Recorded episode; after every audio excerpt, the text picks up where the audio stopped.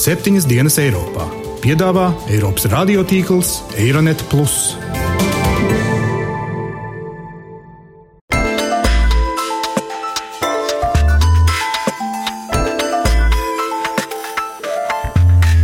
Šonadēļ septiņas dienas Eiropā dzirdēsim. Šī neatkarība ir nepieciešama. Vēsturiski ir viens no pamatīgākajiem universālajiem principiem. Skoti ir sākuši sevi apzināties kā nāciju. Labdien, godējamie klausītāji! Klāt jauna nedēļa, jauns septiņas dienas Eiropā. Raidījums, kur ik nedēļu vērojam Eiropas un pasaules notikumus un spriežam, kā tie ietekmēs mūs Latvijā. Pagājušajā nedēļā Putins pieklusinātā balsī brīdināja, ka divu dienu laikā Krievu spēki varētu būt ne tikai Kijevā, bet arī Rīgā, Tallinā, Viļņā, Varšavā un Bukarestē. Tikmēr Ukrainas prezidents Porošenko izgājis uz milzīgu kompromisu, lai darītu galu kaujas darbībām, izsludinot Austrum Ukrainas Luganskas un Doņetskas apgabaliem īpašu statusu ar savu pašpārvaldi un arī ar krievu valodas lietošanu. Šodien raidījumā pievērsīsimies tieši tautu pašnoteikšanās jautājumam, kas Eiropā šķiet šobrīd atkal kļuvis aktuāls. Spānijā, Itālijā, Ukrainā, Zviedrijā, Vācijā, jā, arī tepat Latvijā, Latgalē, visur ir vēsturiski atšķirīgi reģioni, kas ik pa brīdim atgādina pārējai pasaulē, ka varbūt tomēr viņi vēlētos atdalīties un atgūt neatkarību un pašnoteikšanos. Pēdējās nedēļas, protams, vismanāmākie šādi separātisti bija Skoti, kuri balsoja referendumā, un nolēma palikt Lielbritānijā. Šodien runāsim par Skotijas referendumu un to, kā tas varētu apskaņoties arī citvietā Eiropā. Bet vispirms manas kolēģis Gita Siliņas sagatavotais pēdējās nedēļas galveno notikumu atskats.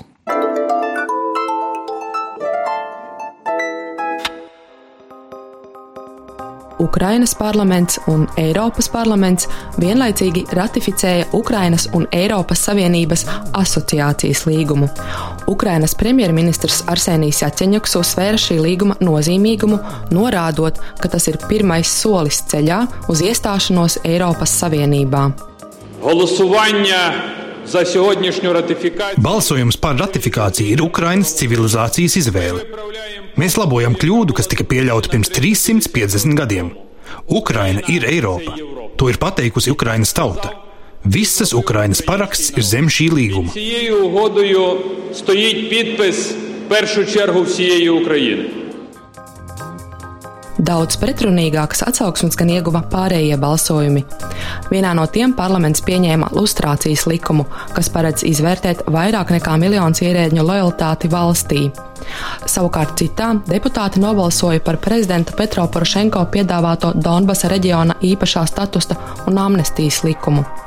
Lielākā daļa nemiernieku gan pieprasa pilnu neatkarību un apgalvo, ka viņiem tagad vairs nav nekā kopīga ar Ukrainu. Nemiernieku nostāju skaidro pašpasludinātās Doņetskas Tautas Republikas vicepremjers Andrejs Purgins. Jums ir jāsaprot, ka ne Doņetskas, ne arī Luhanskas republika nevēlas veidot jebkādu politisku apvienību ar Ukrainu. Pārāk daudz tikuši nogalināti, infrastruktūra nopostīta, karš turpinās. Realitātē mēs esam izcīnījuši savu brīvību, esam ieguvuši tiesības uz pašnoteikšanos savā zemē. Mēs esam Krievijas pasaules daļa. Mēs esam Krievijas pasaules daļa. Kā paziņojis Ukrainas aizsardzības ministrs Valērijas Geletejs, lai palīdzētu tās karavīriem sakaut prokrieviskos nemierniekus, NATO valstis ir sākušas Ukrainai piegādāt ieročus. Geletejs gan neminēja, kas tie ir par ieročiem un kuras valstis tos piegādājušas. Vienlaikus kļuva zināms arī, ka Francijā sākušās pretrunīgi vērtētā Mīstrāla kara kuģa apkalpes mācības. Lai apgūtu jaunā kuģa izmantošanas prasmes, Francijā ieradušies 400 Krievijas jūras kājnieku. Tas ir daudz vairāk nekā kuģim nepieciešamā 170 cilvēku apkalpe. Krievijas mēdī ziņo, ka tā sagatavo vairāk jūrnieku, jo gatavojas, ka laiku Parīze tomēr piegādās gan šo, gan otru iepriekš solīto helikopteru bāzes kuģi. Visbeidzot, ziņa no Amerikas Savienoto Valstu pārstāvju palātas.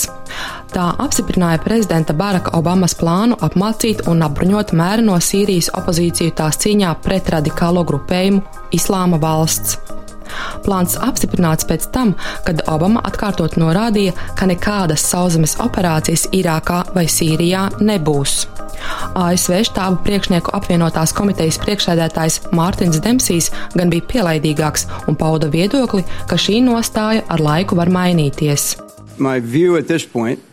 Uz šo brīdi koalīcija ir vislabākais risinājums.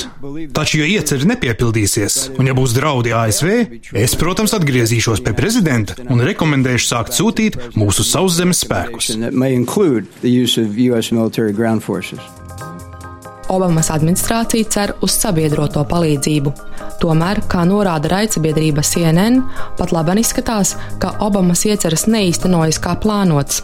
Daudzas Eiropas un citas valstis minstinās iesaistīties, tādēļ ASV plānojot tagad diskrēti sākt sadarboties ar Krieviju.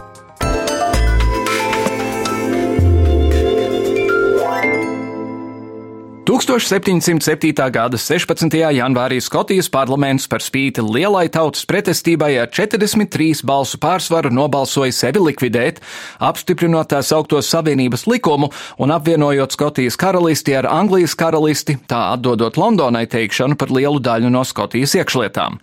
Šis solis pamatā tika spērts, jo Skotija tolaik bija tuvu bankrota robežai. 307 gadus vēlāk Skotiem balsojot par šīs savienības izbeigšanu vēl aizvien ekonomiskie jautājumi vairākumam bija noteicoši. Kāda būs Skotu pensionāru nākotne, kas notiks ar veselības sistēmu, kas maksās par valsts parādu, kādu valūtu lietos, kam pieder naftas krājumi Ziemeļjūrā. Lielbritānijas atbalstītāji veiksmīgi izmantoja šīs šaubas un bažas par nākotni savā labā, un tā referenduma dienā vairākums Skotijas iedzīvotāji tomēr izvēlējās ikdienišķo, toties individam vienmēr noteicošo drošības sajūtu, nevis solījumus par iespējamo, netveramo, toties nezināmo brīvību. Bet kas būs tālāk? Gan drīz puse skotu šobrīd nav apmierināti ar esošo status quo, un kaislīgā gatavošanās referendumam daudzos ir iedibinājusi jaunu pašapziņu un uzjundījusi apziņu, ka varētu būt arī savādāk. Gandrīz puse skotu skaidri pateica, gribam brīvību, vienalga cik sarežģītu un grūtu. Vai šo vēlmi un tieksmi varēs tik viegli apklusināt, un vai šo jaunatklāto nacionālo apziņu drīkst ignorēt?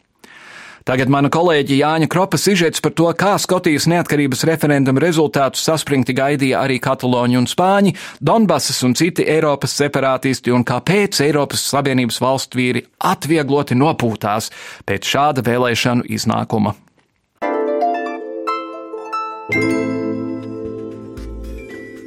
Tautu pašnoteikšanās tiesības ir viens no Eiropas stūrakmeņiem. Skotu referendums nevienu tā īsti neuztrauca līdz brīdim, kad aptaujas apliecināja, būs sīva cīkstēšanās. Pēkšņi stūrgalvīgie un ļoti pašpārliecinātie skoti teja vai apdraudēja visas Lielbritānijas pastāvēšanu. Lielbritānijas premjerministrs Deivids Kamerons gluži vērā asarām acīs lūdza skotus pirms referenduma saglabāt mājas, ko kopā cēluši. Daudz politologi to uzskatīja par lielāko šī politiķa kļūdu. Eiropas līmenī Deividam Kameronam pārmet, ka piekāpšanās vispār atļaut referendumu bija ļoti bīstama politika. Tagad katrs separātists vēlēsies pašnoteikšanās balsojumu, bet acīm redzot, premjerministrs vienkārši sākotnēji neticēja, ka Skoti kaut ko panāks. Nobežījies par Skotu referendumu bija arī Francijas prezidents François Hollande, kurš referendumu dienā atklāja atbalsta vairāku ātrumu Eiropu, jo Francija un Vācija ir īstais dzinējspēks Eiropas ekonomikai, kamēr vispārējie ir tur, kur ir. Frans Olāns arī uzsvēra, ka separātisms Eiropai būs liels izaicinājums. Kas tad ir tie iemesli, kāpēc Skoti gribēja dumpoties? Viens no Skotijas neatkarības kampaņas aktīvistiem Tonijs Giuliano mēdījiem labprāt stāstīja, ka Skoti vēlas panākt vairāk demokrātijas priekš sevis. Viņiem ir apnicis, ka Londonā Skotu balsis neko daudz neietekmē, turklāt Skoti vēlas arī vairāk izmantot savus ekonomiskos resursus pašu vajadzībām. Saudabīgu aizvainojumu par Londonas politiku mēdījiem apstiprināja arī Skotijas Nacionālās partijas vicelīderis Džims Silārs, kurš norādīja, ka Skoti nevēlas saņemt Londonas diktātu. Šī nostāja nemainīsies pat, ja referendums ir izgāzies. Well,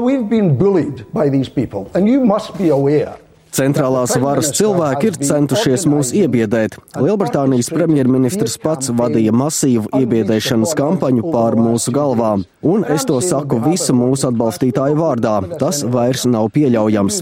Šis referendums bija varas jautājums. Mēs esam neatkarīgi cilvēki un tā vietā, lai mācītu mūs un padarītu skotus teju vai par biedējošākajiem cilvēkiem pasaulē, Londonai mūsos ir vairāk jāieklausās. Tik Tiklīdz runas skar ekonomiku un naudu, sākas arī lielākās viedokļu atšķirības. Latviešiem labi zināmais Pols Krugmans no New York Times Skotus aicināja neuzķerties uz muļķības āķa. Neatkarība bez savas valūtas būtu absurda, jo fiskālo politiku vienalga izlemtu Anglijas banka, bet veidot pašiem savu valūtu, tas nozīmētu arī pašiem uzņemties atbildību, kas pie nesenās banku krīzes šķiet pavisam biedējoša. Šādā veidā Krugmans pieļāva domu, ka neatkarīga Skotija būtu tā pati Spānija, tikai ar sliktāku klimatu. Nevelti Krugmens piesauca Spāniju. Šī valsts ir vēl viens aktuāls separātismu jautājums Eiropā. Katalāņi gadiem ilgi cenšas panākt tiesības norganizēt paši savu neatkarības referendumu, un kā sarunā ar Latvijas radio atzina politologs Ivars Ījaps, lielai ir jābūt tieši politisko elišu mākai sabalansēt kādas kopienas nacionālisma jūtas ar visas valsts kopējo politiku. Šādas separātistu tendences kaut kādā veidā uh, izlīdzsvarot ir ļoti lielā mērā politiskās meistarības jautājums, un mēs redzam, ka viena no problēmām tajā skotu uh, gadījumā ir ne jau tas, ka tiem skotiem pašiem par sevi obligāti vajadzētu neatkarīgu valstu un ka viņi vispār lielākoties varētu iedomāties, kāda izskatīsies tā neatkarīgā Skotija, bet tas ir vienkārši Londonas centrālās varas leģitimitātes trūkums, kur viņi vienkārši tajā Skotijā vairs nejūt, ka tie tur tajā Londonā par viņiem rūpētos un patiešām viņi pieņemtie lēmumi būtu Skotijai saistoši. Tas ir tas stāsts par patiesībā politisko elišu mazspēju visā Eiropā, kas uh, ļoti bieži rada šos separātus separātismu draudz. Galu galā, ja mēs atceramies to pašu nelaimīgo Ukraiņas stāstu, tad nu, no vienas puses ir pavisam skaidrs, ka Ukrainā jau tas nebūtu, piemēram, Krīma nekādā gadījumā nebūtu nodalījusies bez Krievijas atbalsta un bez mazajiem zaļajiem cilvēciņiem un tā tālāk, bet nu, nevajadzētu noliegt arī to, ka tur ļoti liela daļa sabiedrības atbalstīja šo nodalīšanos tieši tādēļ, ka viņi redzēja, ka tas, kas notiek tajā Kijevā, ne, ar to Janukoviču, kāds viņš bija un pēc tam ar viņu gāšanu, ka tas ir kaut kas tāds, ko mēs galīgi negribam piedalīties un mēs laikam gribam tomēr kaut kādā prognozējumākā vietā dzīvot. Tā, tā ir ļoti lielā mērā vietējo, un respektīvi katras konkrētās valsts elites vājums, kas vienkārši nespēja noturēt to valsti kopā un patiešām radīt to pārliecību cilvēkos, ka tā vara, kas atrodas centrā, patiešām ir leģitīma un pamatot un lemj visas valsts interesēs. Protams, patīkami un pagodinoši, ka viena no katalāņu pretošanās himnām ir Mārtiņa Brauna skaņdarbs, bet tieši Katalonija uzskata par nākamo nemieru cēlāju. Katalonijā tāpat izmanto vēsturiskā aizvainojuma un ekonomisko jautājumu kārti. Katalāņu ekonomika ir ne tikai labāka par Spānijas, bet arī par Eiropas vidējo līmeni. Reģionam ir milzīgs turisms, plaša osta un tranzīts, kas, protams, pirmām kārtām apkalpo tieši Spānijas tirgu, bet tomēr naudas katalāņu kasē būtu vairāk nekā tā, kas ienāk no Spānijas. Katalāņu ekonomists Klimenta Polo gan tieši to uzskata arī par lielāko draudu. Nevajag spēlēties ar ekonomiku, kas Katalāņu gadījumā ir maza un ļoti atkarīga. Gadu desmitiem Katalonija ir apmierinājusi Spānijas pieprasījumu pēc dažādu manufaktūru un industriju precēm un pakalpojumiem. Nevajag aizmirst, tas ir liels tirgus, turklāt ar ļoti augstu protekcionismu. Tas, ka neatkarības centieni dažādās valstīs un pasaules reģionos vienmēr rada divējādas sajūtas, tas nav noliedzams. Politologs Ivars Ieps uzsver, ka separātisms ir sava veida fenomens. Lielā mērā tas balstās politikas un tiesību zinātņu teorijas sadursmes pamatos. Tas, ka kaut kādas teritoriālas kopienas uh, vēlas dzīvot paši savā valstī un vēlas, ats, nu, vai arī kaut kāda plaša autonomija, ir pašsaprotams un vēsturiski ļoti, ļoti sens fenomens. Cits jautājums ir, protams, kā tas izskatās nu, pēc otrā pasaules kara. Tomēr tā vienošanās lielos vilcienos nepārzīmēt Eiropas robežas ir pietiekoši stabila. Kāpēc tas notiek tieši tagad? Tur ir vairāk iemeslu. Pirmkārt, mēs redzam, ka daudzās Eiropas valstīs ir radies vispār pieprasījums pēc tādas nu, vietējās demokrātijas, un cilvēki vairs īsti neusticās tai centrālajai varai un grib paši sev uz vietas valdīt. Un mēs redzam, ka popularitāte visādiem referendumiem, visādām vietējām iniciatīvām pietiekoši liela, un tādā veidā īstenībā tā demokrātija nevis kavē eh, tās separātismu kustības, bet gan gluži pretēji stimulē viņas. Jo vienkārši tiek pieņemts, jāredz, kā tautas pašnoteikšanās un tā tālāk. Un tā tālāk. Vietas, kur norisinās dažādas runas par separātiskiem referendumiem, netrūks ne Eiropā, ne arī citvietā pasaulē. Jau piesauktais Krīmas balsojums, kas gan nebija likumīgs, tāpat arī Piedņestra Dienvidosetija, tās ir vietas, kur aktīvu lomu nospēlē Krievijas ārpolitika. Bet pastāv jau arī piesauktā Katalonija, vēl arī Beļģija, Korsika, Krēta, Kosova, aiz Eiropas robežām, Irāka, Etiopiju un Eritreju. Vēl arī tālākas zemes - Ķīna, Indija un Kanāda. Ķīnai ir problēmas ar Hongkongu un Tibetu, Indijai ar Kašmiru, tikmēr Kanādā vēl nesen aktīvi bija Kvebekas provinces neatkarības tīkotāji. Skaidrs, ka separātisms nekur nepazudīs. Galvenais, lai katras valsts politiskā vadība apzinātos, ka vara nebūt nenozīmē tikai iespēju visu darīt pēc sava prāta. Jebkādai varai ir jāmāk radīt priekšstatu par tās pamatotību, pretējā gadījumā varai pietrūks leģitimitātes.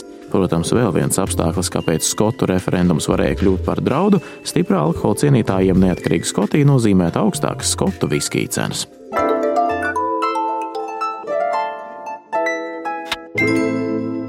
Lai apspriestu referendumu rezultātus un ieskicētu to, kāda ir iespējamā Skotijas un Lielbritānijas nākotne, studijā esam aicinājuši ārlietu ministrijas politikas direktoru un kādreizējo viesnieku Lielbritānijā Edvardu Stipro. Labdien! Labdien!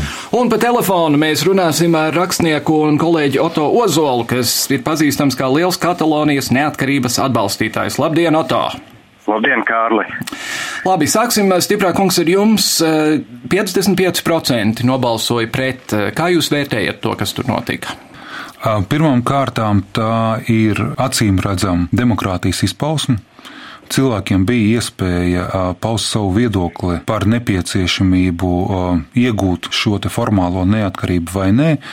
Un šis rezultāts, lai arī kāds viņš būtu, kuru pusi būtu uzvarējis, es domāju, ka viņš ir jārespektē visiem, gan procesā iesaistītajiem, gan šķietami uzvarējušiem vai zaudējušajai pusē, gan arī visiem malā stāvētājiem un novērotājiem. Mēs uzskatām, ka tāpat laikā tā pakete kas bija sagatavota un kas tika arī pieteikta no Lielbritānijas valdības puses, ko premjerministrs Kamerons arī pirms kāda laika bija atskaņojis par iespējamo vēl lielāko autonomijas piešķiršanu vienotas valsts ietvaros. Iespējams, ka nospēlēja arī lomu un to cilvēku skaitu, kas uzskatīja, ka, lai atrisinātu viņu sociālās un ekonomiskās problēmas, ka šī neatkarība ir nepieciešama, ka varbūt ar šo jauno iespēju un papildus pilnvarām, kas tiek piešķirts Skotijai, kā Lielbritānijas atsevišķai sastāvdaļai, ka tas ir atrasināts. Oto, es pieļauju, tu esi vīlies rezultātos.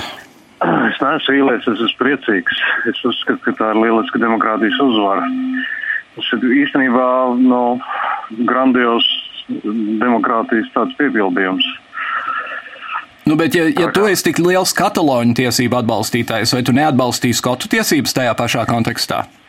Sāksim ar to, ka viss tā lieta, ko es visvairāk atbalstu un kam ir jābūt Eiropā, tas ir nācija pašnoteikšanās tiesības, ka nācijām ir tiesības veidot referendumu par savām pašnoteikšanās lietām. Un ko katra tauta izlēma, jā, to mēs respektējam un to mēs saprotam. Šajā gadījumā Lielbritānija ir parādījusi savu spēku tieši demokrātiskā nozīmē. Viņi ir lielā laika posmā pierādījusi, ka ir iespējams realizēt šīs nāciju pašnoteikšanās tiesības demokrātiskā, konstruktīvā un miermīlīgā veidā, un tas ir milzīgs sasniegums. Jo, Kārli, ja mēs atceramies vēsturi, tad lielākoties valsts pie pašnoteikšanās tiesībām ir tikušas pēc lieliem satricinājumiem un konfliktiem un nereti pat detonējušas tos. Nu, šajā gadījumā Lielbritānija ir noticis tāds spilgts un uh, lielisks piemērs. Savukārt Spānijā Spānijas valdība teikusi, ja Katalonijas vadība izsludinās referendumu, Katalonijas vadība tiks tiesāta iespējams pat 15 gadus cietumsodu. Nu, mēs varam atcerēties, ko Stiprākungs teica, referendums ir ne, demokrātijas izpausme. Šajā gadījumā Spānijas uh, valdība draud tiesāt cilvēks par demokrātisko tiesību realizēšanu. Nācija pašnoteikšanās princips ir viens no stiprākajiem Eiropas demokrātijas tādiem pamatakmeņiem. Uh, no Dan Spānijas valdības puses uh, viņi neparāda to stiprumu, garu spēku, ticību demokrātijas ideāliem, kā to izdarīja Lielbritānijas valdība. Uh -huh. Stiprā kungs ir ziņots, ka būtībā šorīt gandrīz visa Eiropa tā apmierināti nopūtās par to, ka Skotija nav izvēlējusies atdalīties. Sāksim ar to, kā jūs vērtējat to, ka acīm redzot šī jā kampaņa neņēma vērā tos ļoti, ļoti nozīmīgos ekonomiskos argumentus un citus attiecībā uz sterliņa mārciņas nākotni, attiecībā uz valsts parādu, attiecībā uz kodolzemūdenēm un tā tālāk un tā joprojām. Nē, nu es domāju, ka te ir divi teiksim, tā, paralēli procesi, kas to visu noteica. Viens ir jāsaka tas, ka lielā mērā šī jā kampaņa, protams, balstījās uz kaut kādiem sentimentāliem aspektiem. Jā, tas ir jautājums, kas ir vairāk saistīts ar kaut kādas šīs nacionālās identitātes, kaut kādas šīs nu, iespējama vēsturiskās netaisnības labošana, kas nevienmēr ir ciešā veidā sasaistīts vai ņem vērā arī varbūt kaut kādas ekonomiskās reālijas. Es domāju, ka mēs visi lieliski atceramies, ka arī 90. gadu sākumā, mūsu atmodas periodā, viens no mūsu lozungiem jau arī bija kaut vai basām kājām, bet, bet brīvi. Un tā ir kaut kā varbūt izvēle, apzināta vai neapzināta izvēle, tā uzmanība un varbūt arī tie dažkārt ierobežotie resursi. Tiek vairāk pievērsti šajā gadījumā, varbūt kampaņas resursi, sauksim to tā, referendumu, tiek pievērsti tieši tiem jautājumiem, kas eh, šķietami nes vislielāko teiksim, tā, atdevi. Tas ir viens no tiem gadiem, bet es gribētu piebilst, varbūt nu, šeit tiek vilkts paralēls ar Kataloniju. Ir jāņem vērā to, ka Lielbritānijā šis referenduma process ir noticis ciešā saistībā ar šīs nerakstīto konstitucionālo kārtību kas Lielbritānijā pastāv.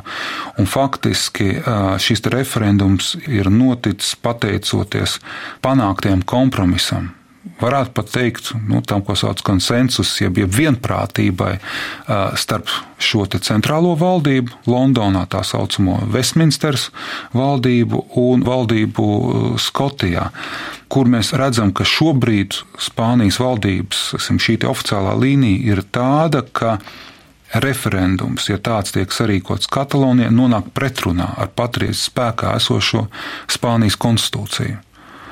Protams, formāli, juridiski pieejot, tā tas arī ir, un lai šis referendums varētu notikt un tam būtu juridiski kaut kāds saistošs spēks, ir nepieciešams grozīt Spānijas konstitūciju, kam ir nepieciešams arī zināms politiskais konsensus, kura šobrīd vienkārši nav. Oto, vēl viens jautājums, un tad es laidīšu tev vaļā.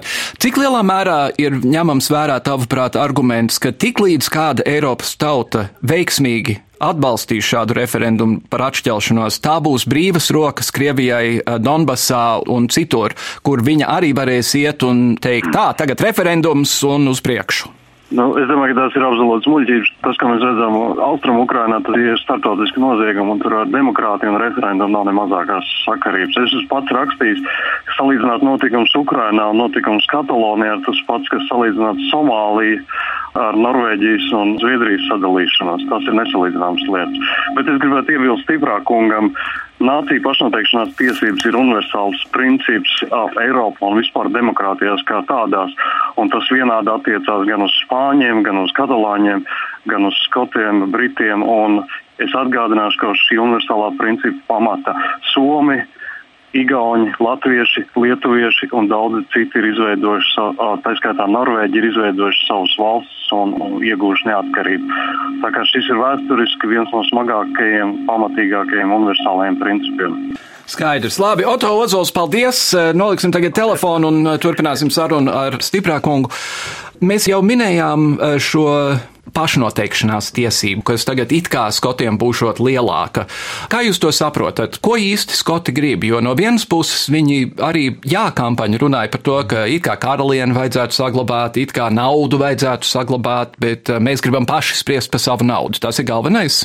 Varbūt vienkāršojot, jā. Jāatcerās, ka faktiski Britu parlamentārā vēsture vai Britu parlamentārā kultūra ar to arī sākās.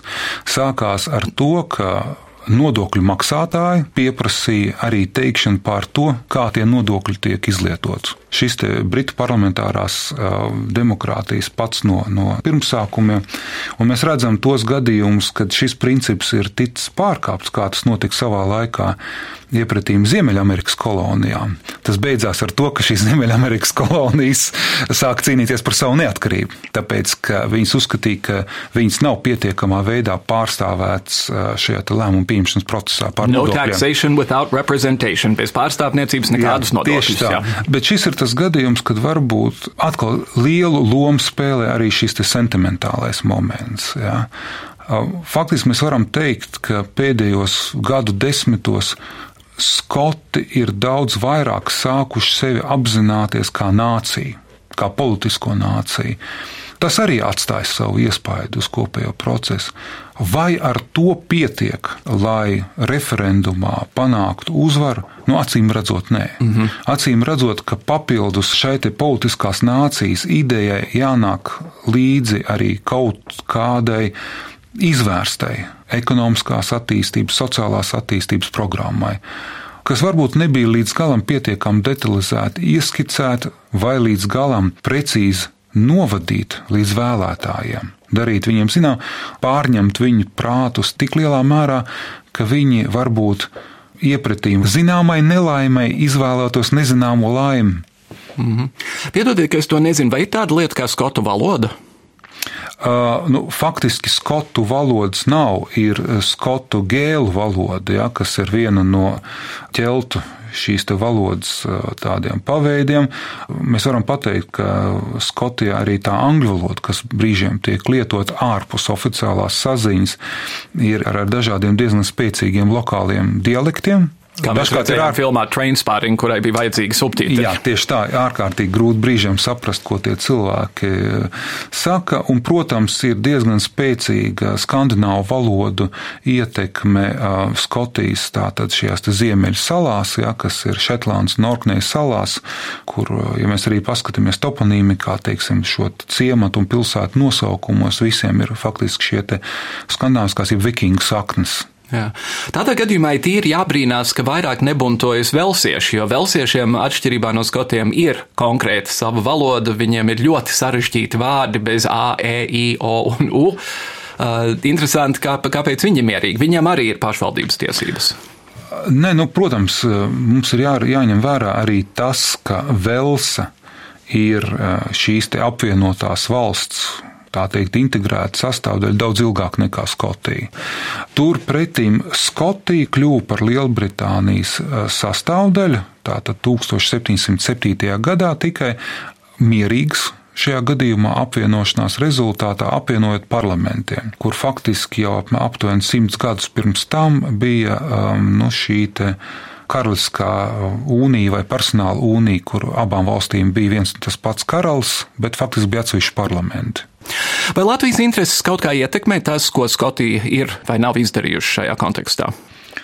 Ja mēs skatāmies no tādām ļoti šauri egoistiskajām interesēm, kas būtu saistīts kaut vai ar tik triviālu lietu, kaut kur tehnisku lietu, mēs varam teikt, kā Latvijas prezidēšana Eiropas Savienības padomē, Protams, ja mūsu prezidēšanā iekrist šis ārkārtīgi sarežģītais institucionālais jautājums, kas būtu saistīts ar Lielbritānijas dalības Eiropas Savienībā, nu, teiksim, modificēšanu. Jo faktiski iet runa par to, ka būtu jālem par jaunas dalībvalsts uzņemšanu Eiropas Savienībā.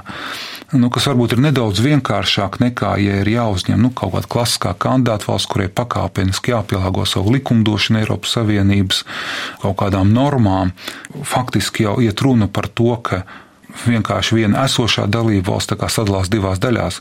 Bet, jebkurā gadījumā, tas būtu ārkārtīgi komplicēts process, kurš jau tā mūsu diezgan ierobežotos resursus, būsim godīgi. Gan materiālos, jā, naudas izteiksmē, gan intelektuālos. To, to cilvēku mums nav tik daudz, lai visas Eiropas Savienības darbības jomas pienācīgi nosaktu tas būtu papildus diezgan liels uh, praktisks uh, sloks. Ja? Tā kā kaut kur mēs varam pateikt, jā, no šauri birokrātiskā viedokļa, ka, jā, zināms, atvieglojums ir, bet es domāju, ka uh, mēs jebkurā gadījumā būtu gatavi strādāt arī pretējā virzienā, ja tas balsojums būtu bijis pozitīvs. Tas būtu bijis mūsu pienākums, un mēs to pienākumu arī ar pilnu atbildību uzņemtos un arī realizētu. Vai jūsuprāt, tuvākajos gados Skoti varētu mēģināt vēlreiz referendumu sasaukt? Otrais es nezinu, vai Westminster būtu uz to gatava, bet. Man šobrīd ir grūti teikt, jo arī nav bijuši kādi publiski izteikumi no paša Skotijas politiķu vidus, vai viņi būtu gatavi kaut ko tādu veikt. Jā, mēs varam vilkt zināmas paralēlas ar tiem procesiem, kas notika Kanādā. Un ir bijuši divi, jā, ir Mhm. bijuši divi balsojumi par neatkarību Kvebekā. Abi ir bijuši neveiksmīgi. Puertoriko ir balsojusi trīs reizes par atdalīšanos no Amerikas. Jā, nu, tā kā tas norāda, ka īstenībā jau, ja kādā brīdī tie politiķi Skotijas parlamentā, jāsaka tā saucamajā Holirodas parlamentā, ja viņi nonāk pie secinājuma, ka ir nepieciešamie priekšnosacījumi, lai varētu noturēt kārtējo vai šoreiz jau otro balsojumu par Skotijas um, neatkarību, ja viņi uzsāka attiecīgo sarunu procesu ar Lielbritānijas valdību Westminsterā, Londonā, un viņi panāk tādu vienošanos, un es neredzu iemeslu, kāpēc viņi nepanāk tādu vienošanos. Kāpēc viņi nenoturētu šādu referendumu? Tas ir viņu pašu izvēle. Ja, ja viņu pašu vēlētāji Skotijā dod šiem politiķiem mandātu. Dzīvosim, redzēsim. Dzīvosim, redzēsim. Ārlietu ministrijas politikas direktors Edvards Stiprais. Paldies jums par sarunu. Paldies jums!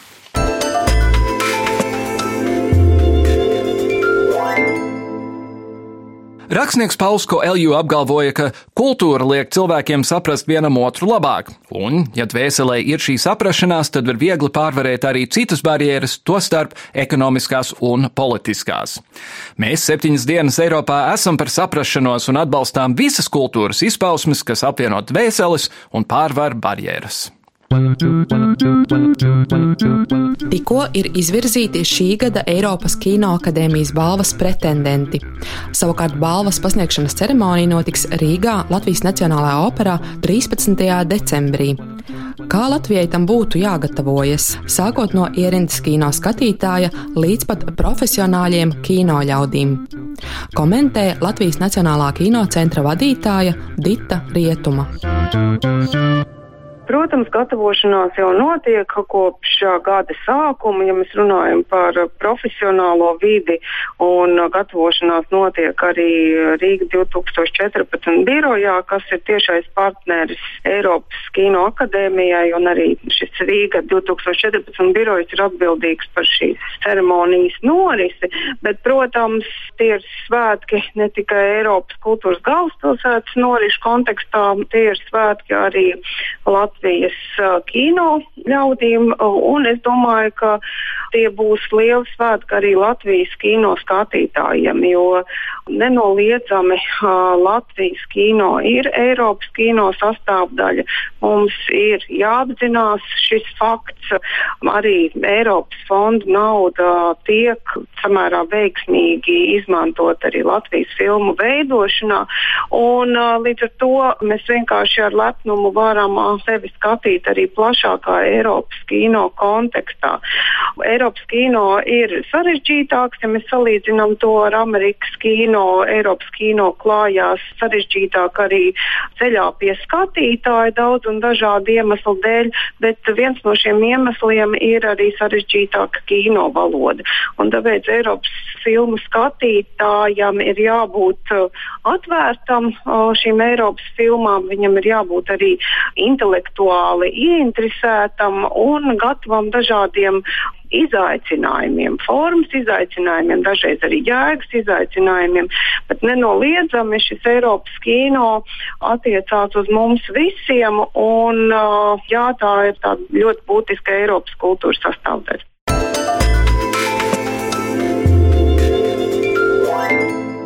Ar to arī izskan mūsu raidījums šajā nedēļā, dāmas un kungi. Man jau liekas, ka patiesībā bija labi, ka Skoti nobalsoja par to, ka paliks kopā ar Lielbritāniju. Mūsdienu globalizētajā pasaulē, protams, ir tautas, kas grib kaut ko pašas par sevi noteikt, bet tomēr ir labāk būt lielākā valstī, kopīgākā valstī, un gan jau tur viss būs labi. Līdz nākamajai nedēļai! Visu labu!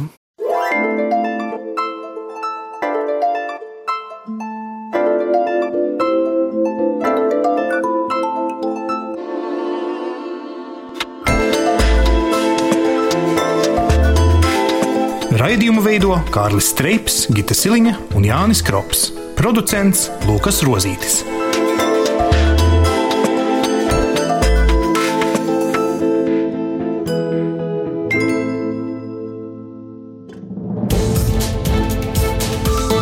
Visus Eironet plus sižetus un raidījumus meklējiet Latvijas radio mājaslapā.